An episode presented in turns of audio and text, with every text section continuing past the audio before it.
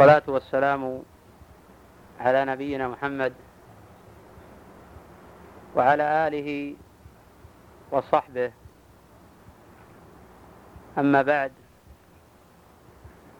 فأسأل الله جل وعلا يرزقنا وإياكم الإخلاص في أقوالنا وأعمالنا فإن العمل غير مقبول ما لم يتوفر فيه أصلان أساسيان.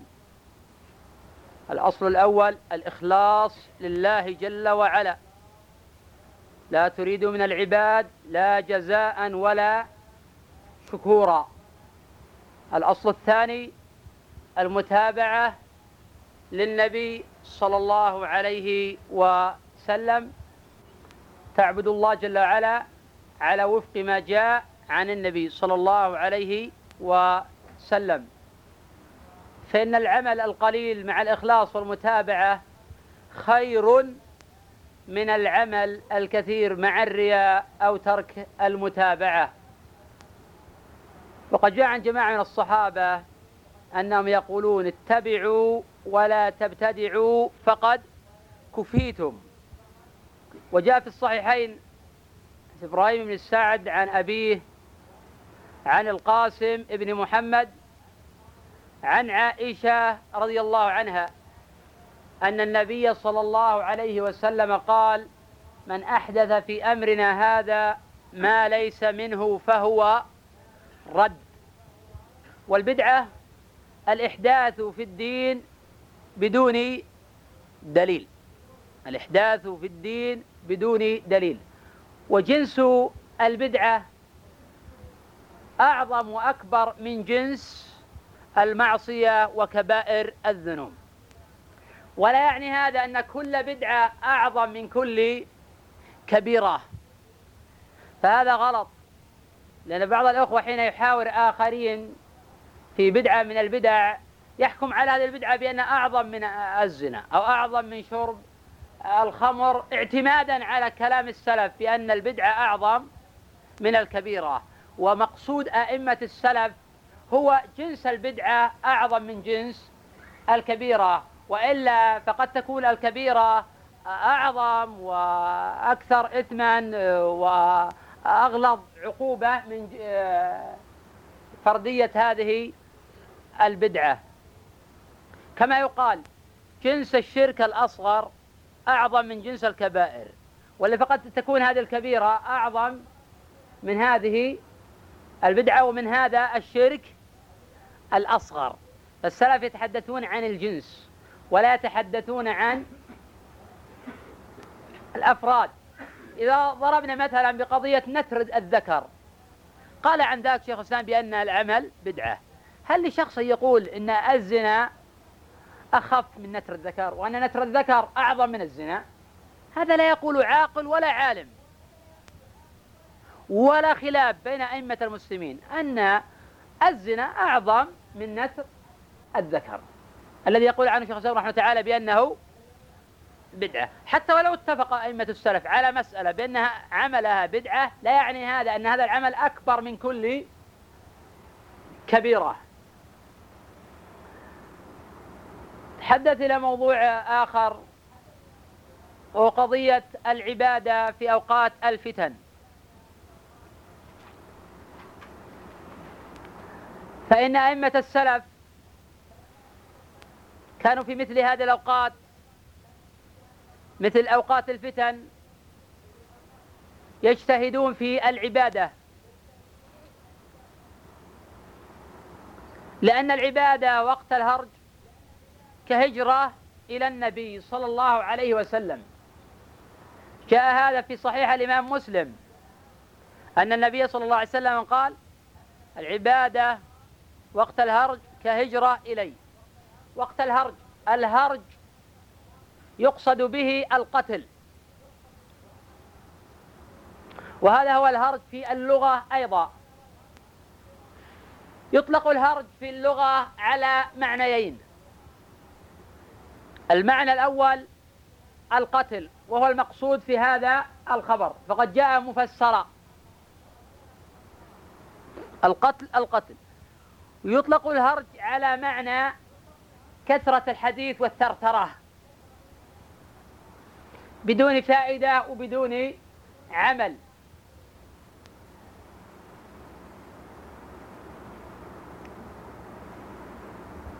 وهذه الثرثرة بدون عمل لا تجدي. والإسلام ينهى عن ذلك. أئمة السلف كانوا قليلي الكلام كثيري العمل. قل كلامهم وكثر عملهم وعظم أخلاصهم فكان لكلامهم وقع في القلوب. ونحن كثر كلامنا وقل عملنا. فتحدث الإنسان بالساعات ولا ترى في كلامه بركة ولا تاثيرا على القلوب. بينما الأئمة السابقون يتحدث الواحد منهم بالكلمة الواحدة تشرح في المجلدات. هذا معنى قول بعض العلماء كلام السلف في بركة. معنى كلام السلف في بركة أي أن الكلمة تحتمل عدة معاني. في هذه الجملة بركة. ومعنى ذلك أيضا أن الكلمة تصل إلى مسامع الآخرين فيها بركة. ومعنى ذلك أنهم لا يتكلفون الإنشاء بقدر ما يحرصون على توجيه النصح للآخرين. فيجعل الله في ذلك خيرا كثيرا.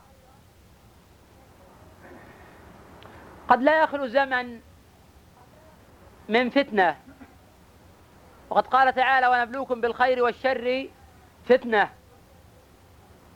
وبعض العلماء يفرق بين الفتنة المعرفة بالألف واللام وبين الفتنة التي جاءت بصيغة أو بسياق النكرة. وتارة تكون الفتنة مطلقة وتارة تكون مقيدة كقوله صلى الله عليه وسلم ومن فتنة المحيا والممات وفتنة المسيح الدجال. والفتن مراتب متفاوتة. بعضها أخف من بعض. والفتنة قد تكون فتنة الرجل في نفسه قد تكون فتنة الرجل في ماله قد تكون فتنة الرجل في دينه قد تكون فتنة الرجل في عقيدته. والفتنة أشد من القتل. يقصد بذلك الشرك والكفر. فحين يقال بأن الفتنة عظيمة لما يترتب على آثار الفتنة من انحراف في السلوك انحراف في التصور انحراف في العمل حين يقال فلان مفتون في هذا الباب باعتبار أن تغير من الأمر الذي هو عليه وانتقل إلى أمر أسوأ. يتصور بعض الناس أن الفتنة محصورة بواقع عام بواقع قتال بين فئتين أو بين طائفتين. وهذا أخف بكثير من كون الإنسان يفتن في دينه وفي عقيدته وفي سلوكه. ومن هنا كان أئمة السلف في أوقات الفتن يحرصون على العبادة لما جاء فيها من الفضل العظيم والثواب الكبير وللتأسي بالنبي صلى الله عليه وسلم في قوله وفي فعله. ولما في ذلك من الثبات على الأمر يحرصون على أمرين. الأمر الأول العبادة المؤدية إلى الثبات على المبدأ والثبات على التصور الحقيقي والاعتقاد. ولأن هذه العبادة وقاية من الفتن ما ظهر منها وما بطن. الأمر الثاني العلم. فإنه هو الذي يصور ويجلي الأمور على حقيقتها.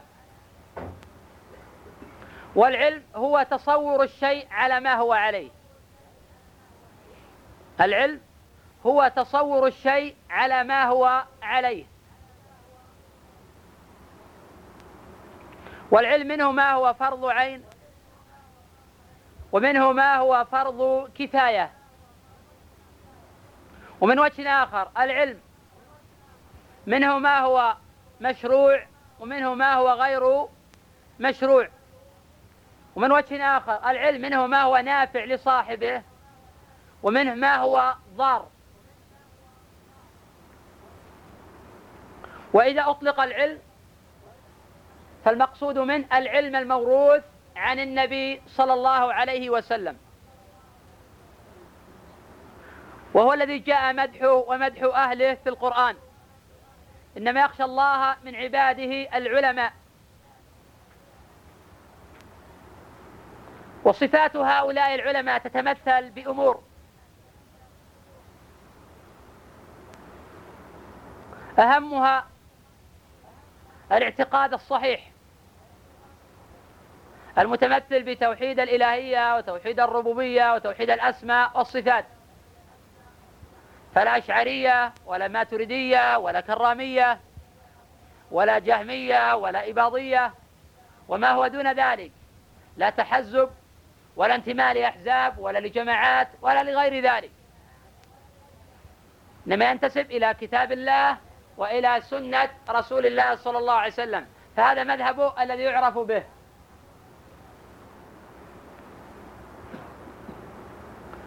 ومن صفات هذا العالم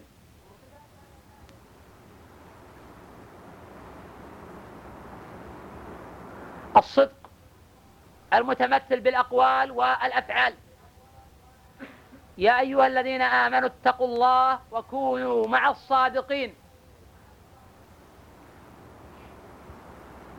فحين نتأمل معنى هذه الآية. وننظر في كلام أئمة السلف. نرى أن المعنى أعم من كون الإنسان يصدق في حديثه. فيما هو فوق ذلك. من الصدق مع الله جل وعلا في التعامل. الصدق مع الله جل وعلا في العبادات. الصدق مع الله جل وعلا في اتخاذ القرارات. الصدق مع الله جل وعلا في تمثل هذا الإسلام في واقعك. فإن العالم يمثل الإسلام في قوله وفي فعله وفي سلوكه وفي تصوره.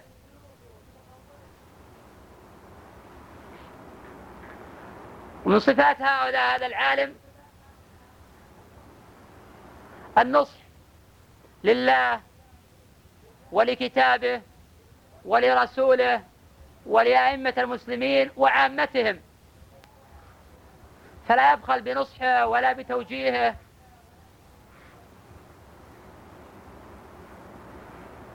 ومن صفات هذا العالم الغيرة على محارم الله وعلى حرماته. ومن صفات هذا العالم الرحمة للمؤمنين. فلا يكون فظا غليظا. ولا يفرح على المؤمنين حين ينكبون بل يرضى لرضاهم ويحزن لحزنهم. ما دام أن هذا الأمر يرضي الله فيفرح له يغضب الله فإنه يغضب من ذلك. ومن صفات هذا العالم قول الحق والصدق مع النفس. فإن قول الحق لا يشترط فيه يكون في مصادمة الآخرين فإن المرء قد يصوغ الحق بصيغات أخرى. وكثير من الناس يفرح بقول الحق في مواجهة الحكومات أو الحكام مثلا. ولا يرضى يكون بوقا للحكام لكن يكون بوقا للجماهير. وهذه مصيبة تعاني منها الأمة. قد لا يرضى يكون بوقا للآخر لكن يكون بوقا لأتباعه ومن حوله يكون بوقا للجمهور. يحاول يرضي الجمهور ويصدر عن قول الجمهور ويتحدث بما يرضي الجمهور. هو في الحقيقة غير صادق مع نفسه ولا مع أتباعه. فقول الحق أعم من كون الإنسان يصدع به في مجال ويحرم مجالات أخرى.